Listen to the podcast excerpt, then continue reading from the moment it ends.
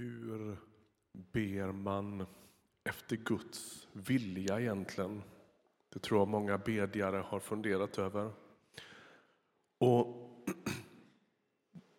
det enkla och korta svaret är ja, men det gör man så här, som när vi ber Herrens bön.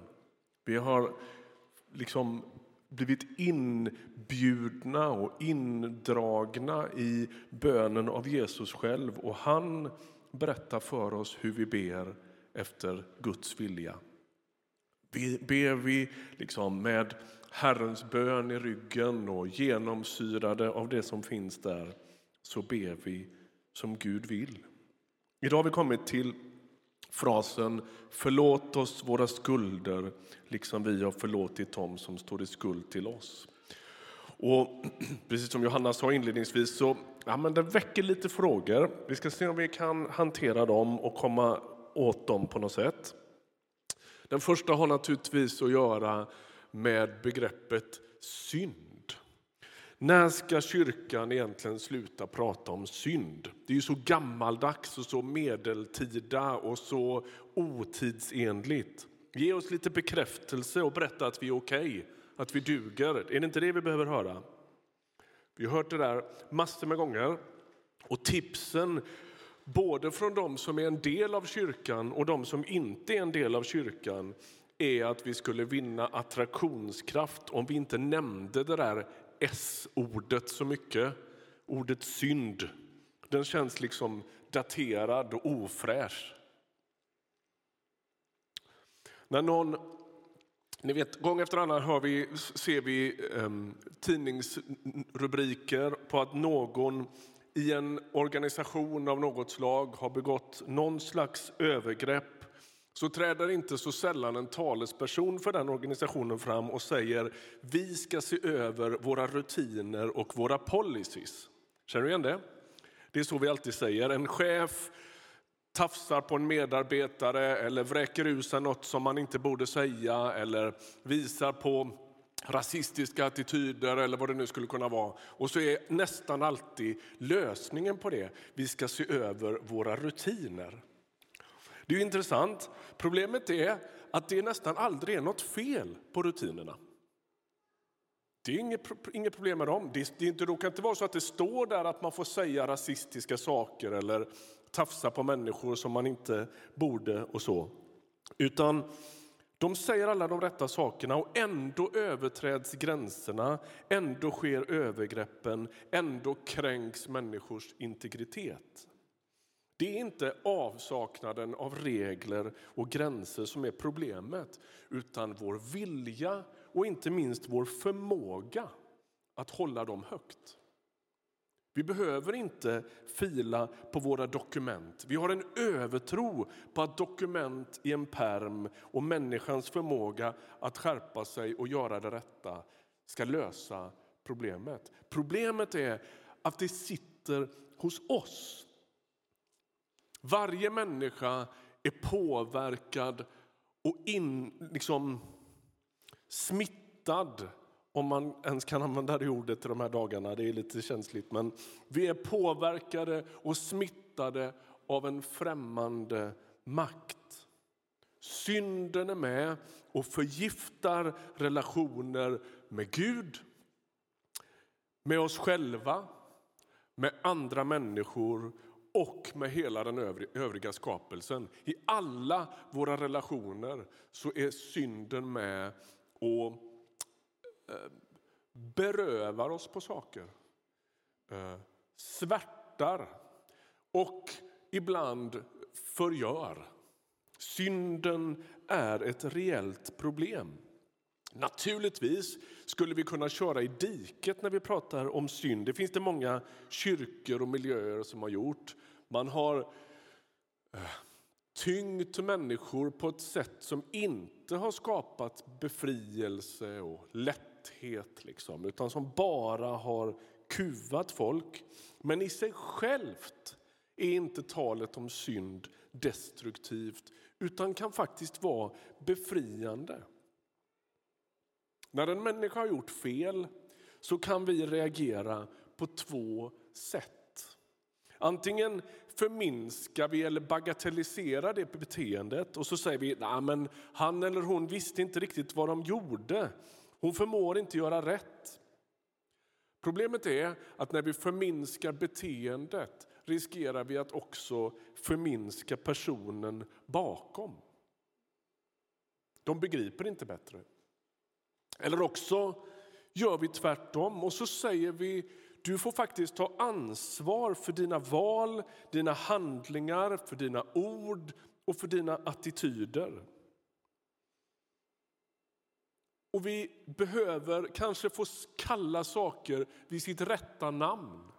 Vårt problem är inte vår svaghet, vårt problem är inte vår skörhet, vårt problem är inte vår mänsklighet. Vårt problem är vår synd.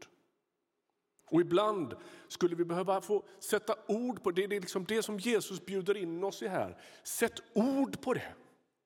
Våga kalla saker vid sitt rätta namn. Ja, det där var synd.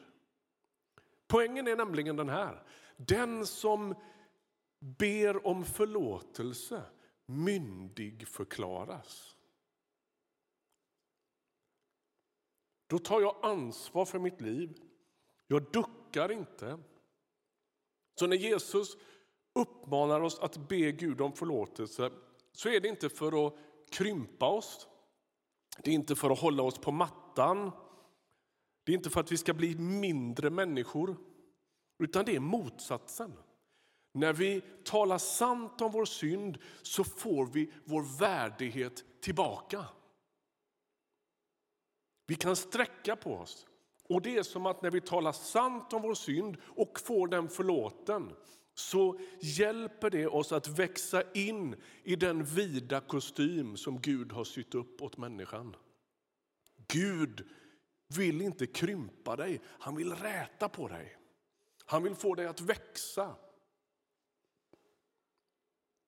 Vi skulle kunna jämföra det här med ett litet barn. Då vet man inte bättre. Och det lite charmigt med ett litet barn som äter chokladsås ur kylskåpet när ingen ser. Det är inte riktigt lika charmigt om en 53-årig gubbe skulle göra likadant. Eller hur? Det är ingen som tar Åh, fint och tar man kort och lägger ut det på Instagram. Så här. Det är jätteobehagligt. Eller hur?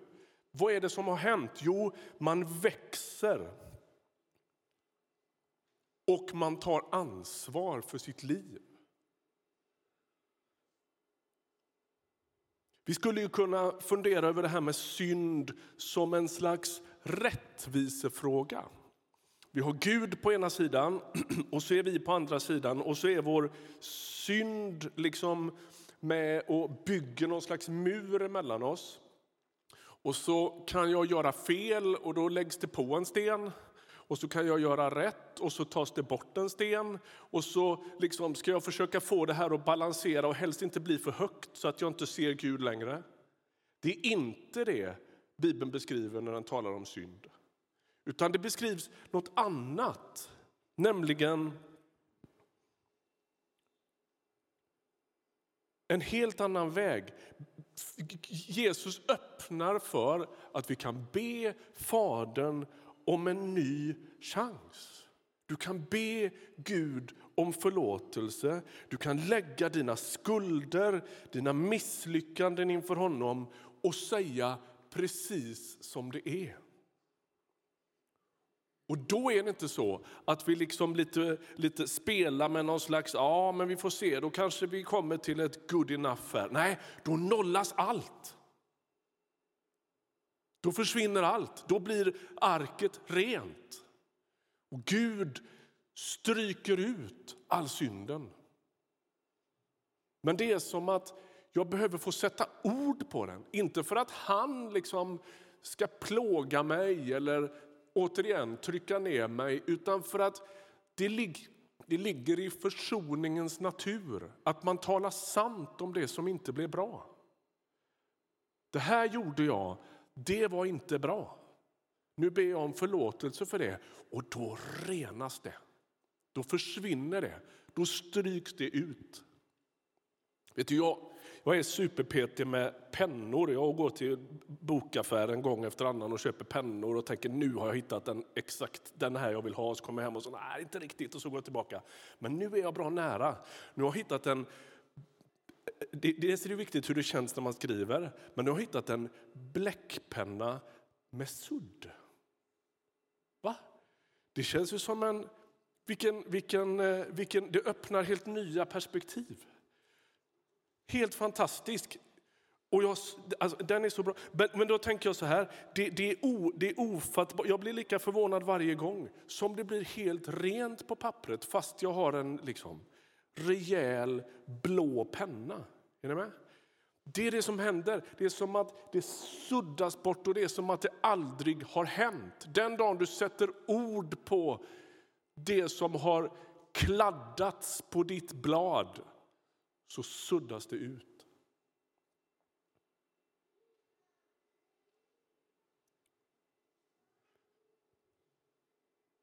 Så här säger aposteln Johannes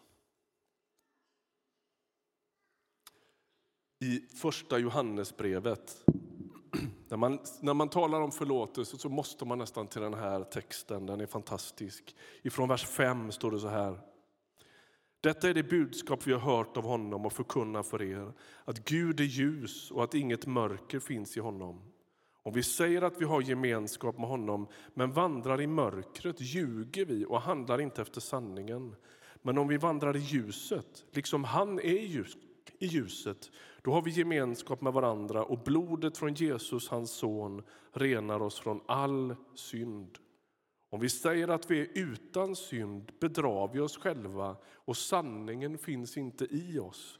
Om vi bekänner våra synder är han trofast och rättfärdig så att han förlåter oss synderna och renar oss från all orättfärdighet. Den som påstår att han är utan synd, säger Johannes här. Alltså det djupaste av alla självbedrägerier, det är att tro att, att, att jag håller måttet. Att allt är som det ska och att jag aldrig gör några fel. Synderna handlar ju både om det onda jag gör och det goda jag låter bli att göra det vi kallar för underlåtenhetssynder. Det är inte fullt så enkelt som att om jag bara ser till att aldrig göra fel så är det lugnt. Utan det går ju också att låta bli att göra rätt. Ni är med? Och vad är det för något då som jag skulle behöva tala sant om? Ser ni här hur, en del av er kommer ihåg sannings och försoningskommissionen i Sydafrika när man ska göra upp med de djupa, djupa sår som apartheidregimen har orsakat hela befolkningen. Då blir sanningen liksom språngbrädan in i försoningen. Det blir omöjligt med försoning om vi inte först talar sant om hur det var. Och Det är ju biskop Tutu som precis har gått bort nu som är med och liksom leder den processen utifrån en tydlig kristen idé om försoning. Och vi har precis samma sak här. Om vi, om vi säger att vi utan synd lever vi i bedrä, självbedrägeri. Men om vi talar sant om den och bekänner den så är Gud trofast och rättfärdig och renar oss från all orättfärdighet. Det är sanningen som någonting händer. Vi lever ju i en kultur som har väldigt svårt att sortera i skam och skuld. Skammen handlar om vem jag är. Och skulden handlar snarare om vad jag har gjort, tänkt eller sagt. Och det är Bibelns, lyssna nu, det här är viktigt. Det är Bibelns rungande budskap att du är älskad och sökt av Gud. Han rynkar inte på näsan åt dig. Han suckar inte i hopplöshet när han ser dig. Han tittar inte på dig med förakt. Tvärtom, han jagar dig med sin godhet. Han söker dig med sin barmhärtighet. Han längtar efter dig i kärlek. Du behöver inte sänka blicken i skam över vem du är, vad du tycker att du saknar eller vad du önskar att du kunde. Du är redan älskad. Det här handlar inte om det. Utan det är precis utifrån det som du kan sträcka på ryggen och veta att barmhärtighetens fader inte kommer att visa bort dig när du talar sant om din synd. Du behöver inte sänka blicken i skam. Du är sedd, älskad och bekräftad av Gud. Men synden behöver vi tala sant om.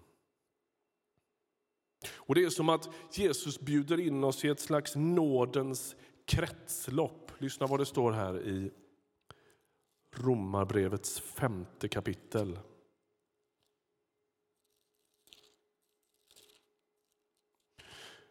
Då vi nu har gjorts rättfärdiga genom tro har vi frid med Gud genom vår Herre Jesus Kristus. Han har gett oss tillträde till den nåd vi nu lever i och vi är stolta över hoppet att få del av Guds härlighet. Han beskriver hur vi lever i Guds nåd. Vi har fått tillträde till den nåden. Det är som att syret vi andas är barmhärtighet och nåd. Vi har dragits in i ett kraftfält som ständigt söker benåda och förlåta.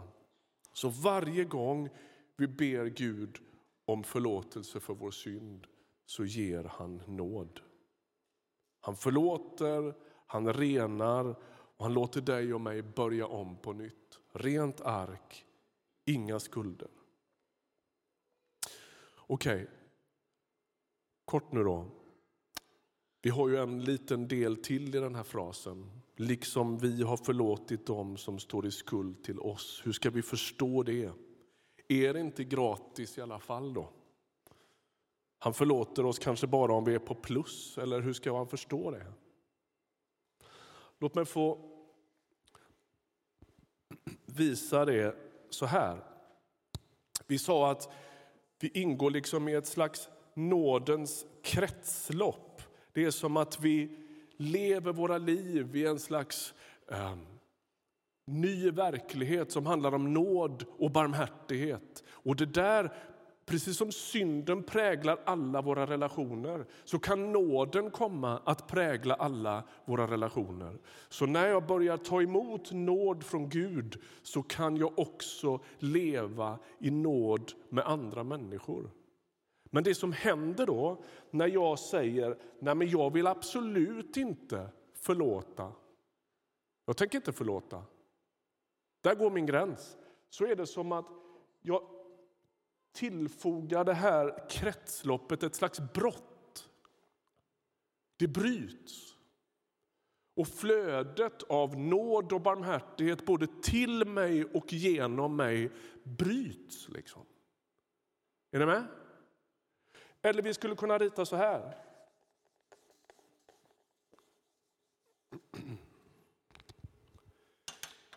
Den, den tydligaste symbolen för kristen tro är ett kors. När Gud försonar världen genom Jesus Kristus så försonas relationen mellan Gud och människa. Men det försonas också människor emellan. Eller hur? Och det som sker om jag säger ja, jag tar gärna emot nåd här men jag är inte så supersugen på att ge nåd här. Det är att samma brott tillfogas här och det kommer att störa den relationen. Så det är som om Jesus bjuder in oss här i en slags nådens verklighet som precis som synden präglar alla mina relationer. Barmhärtigheten blir mitt nya syre.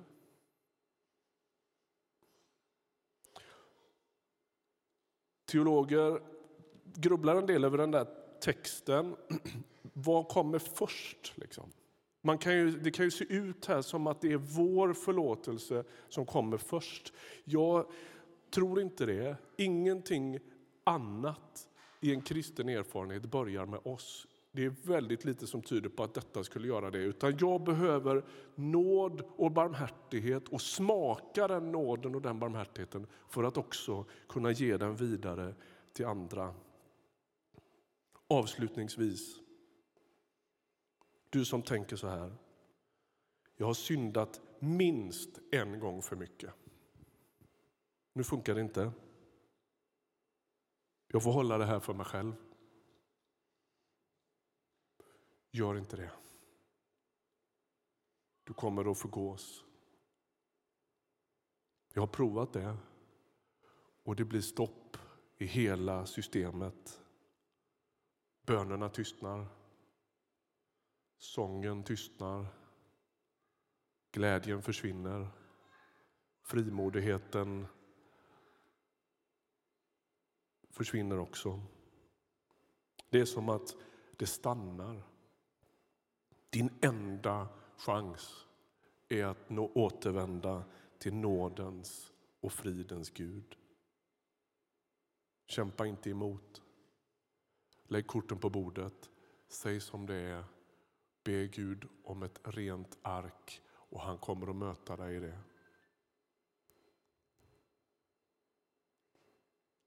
Du som har varit med om riktigt svåra saker som behöver förlåtas. Det kanske inte är så där bara att göra det i slutet på en gudstjänst. Tänk om du skulle våga lyfta lite på det. Tala med någon, be med någon och om det behövs söka upp någon som på ett kunnigt och erfaret sätt kan lotsa dig i ditt trauma. Så att du så småningom skulle kunna få med Guds hjälp makt att förlåta. Det är inga små saker, men Gud vill möta dig i det. Du behöver inte ägas och regeras av dina sår resten av livet. Den syndfrie Jesus är smärtsamt medveten om vår oförmåga och om vår synd. När han lär oss att be så har bönen om förlåtelse en självklar plats. Och du som tvekar, ah, men jag kan inte be om förlåtelse igen. Det börjar bli lite väl många gånger. Kom ihåg att det är Jesus som uppmanar dig att be om förlåtelse. Det är han som säger att du ska göra det. Han kommer inte att visa bort dig. Amen. Vi ber tillsammans. Tack Jesus för att du är nådens och fridens första. Tack Fader för att du är barmhärtighetens fader. All barmhärtighet har sitt djupaste ursprung i dig. Utan dig skulle världen inte ens veta vad barmhärtighet var. Tack att du är här. Tack att vi får komma med våra liv till dig och veta att du inte visar bort oss. Amen.